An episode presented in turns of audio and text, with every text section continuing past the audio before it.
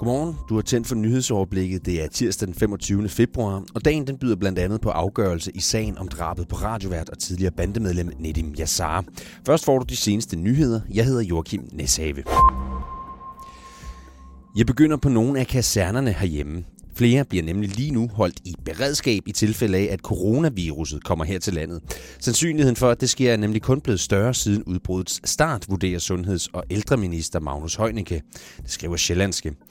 Derfor er både Antvorskov Kaserne ved Slagelse og Høvelte i Birkerød lige nu klar til at huse de smittede personer, hvis det skulle ske. Hvis uheldet er ude, og et krydstogsskib anløber København med en eller flere smittet, er vi klar til at isolere folk, det siger Magnus Heunicke. Ingen danskere er indtil videre blevet smittet med den frygtede virus, men Sundhedsstyrelsen er hele tiden klar til at tilpasse beredskabet. Og for lige at blive ved samme sag, der er nemlig ingen vaccine udviklet mod det her coronavirus endnu. Men nu vil USA's præsident Donald Trump afsætte 2,5 milliarder dollar på at bekæmpe det. Det fremgår af en erklæring fra det Hvide Hus, og pengene her svarer til knap 17 milliarder danske kroner.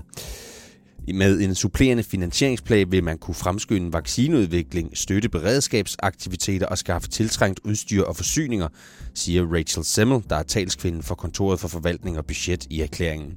I første omgang her vil Trumps forslag blive sendt til kongressen, der skal tage stilling til det.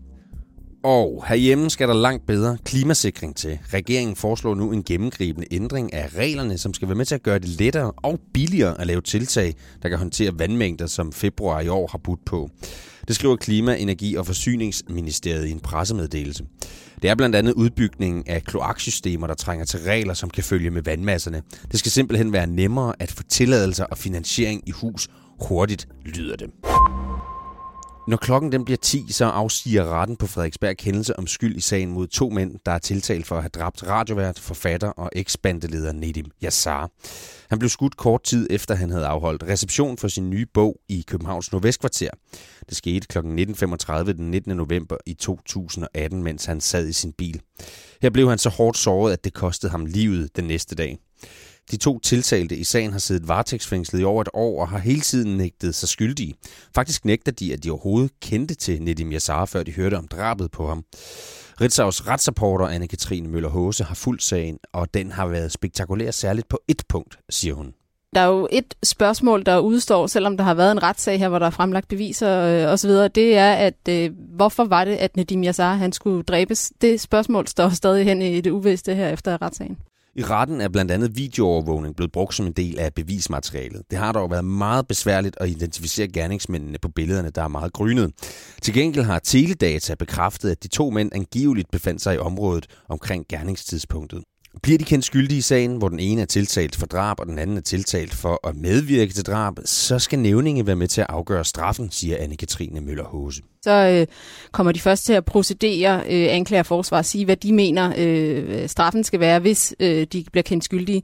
Men øh, udgangspunktet for drab, det er øh, 12 års fængsel, og så øh, kan der være skærpende omstændigheder, som gør, at øh, straffen øh, kan stige, og det kan være helt op øh, til livstid i, i de allergroveste drabsager. Senere i dag mødes en række fremtrædende personer fra 30 lande. Blandt dem er Norges statsminister Erna Solberg, Ghanas præsident Nana Akufo-Addo og flere ambassadører for FN's verdensmål. De mødes dog ikke i Bruxelles, New York eller en anden prominent by, som det ofte sker, når det er stormøder. Derimod der er det 1300 km fra Nordpolen, hvor en af jordens mest mærkværdige banker ligger. På Svalbard, den norske øgruppe, ligger en bank til plantefrø, som hvede, byg og alle de andre sorter, der ikke må uddø. Og den er livsvigtig, siger Lise Lykke Steffensen, der er direktør for den nordiske frøbank Nordgen, der driver den. Svalbard er en sikkerhedsbackup. Det er et sikkerhedsnet for verdens genbanker. Der er en konstant temperatur på 18 minusgrader i banklokalerne, der også kaldes frøvælvet. Det er en af i alt 1700 frøbanker i verden. Og denne her, den bruges som backup og er bygget til at modstå atomkrig og klimaforandringer, lyder det. Alligevel blev den for nogle år siden ramt af noget, som kunne have været fatalt, siger Lise Lykke Steffensen. For et par år siden havde vi valg ind i indgangspartiet, og det valgte den norske øh, regering så at sige, at det ønsker man at udbedre. Det har vi fået gjort nu, og vi har fået opgraderet sikkerheden i, øh, i frøvælvet også. Et eksempel på brugen af frøene fra banken er tilbage i 2015, hvor Syrien fik genudleveret herfra. Det skyldes, at den nationale genbank i Syrien blev bombet under borgerkrigen, og her gik indholdet altså tabt. Og når man mødes i dag, så er det dels for at deponere yderligere til lageret fra de mange landes plantearter, men også for at tale om fremtiden, lyder det ifølge Lise Lykke Steffensen. Samtidig har den norske statsminister valgt at invitere kollegaer for at diskutere SDG-målene, som jo handler netop om at skabe en mere bæredygtig klode. Og være med til ligesom at understrege vigtigheden af at bevare frø for nu og for fremtiden. Og hvad du ellers skal have løje med i dag er et møde i Folketingssalen. Det indledes med spørgetime til statsminister Mette Frederiksen. Derudover behandles en række lovforslag, blandt andet om udvidelsen af tv-overvågning og politiets muligheder for efterforskning på nettet. På grøntsværen der tørner Chelsea sammen med Bayern München, mens FC Barcelona med Martin Braithwaite ombord møder Napoli i Champions League 8. delsfinalerne i fodbold. I USA debatterer demokraternes mulige præsidentkandidater igen, når de mødes i Charleston i South Carolina. De første delegerede blev fordelt 3. februar i Iowa, 11. februar i New Hampshire og 22. februar i Nevada.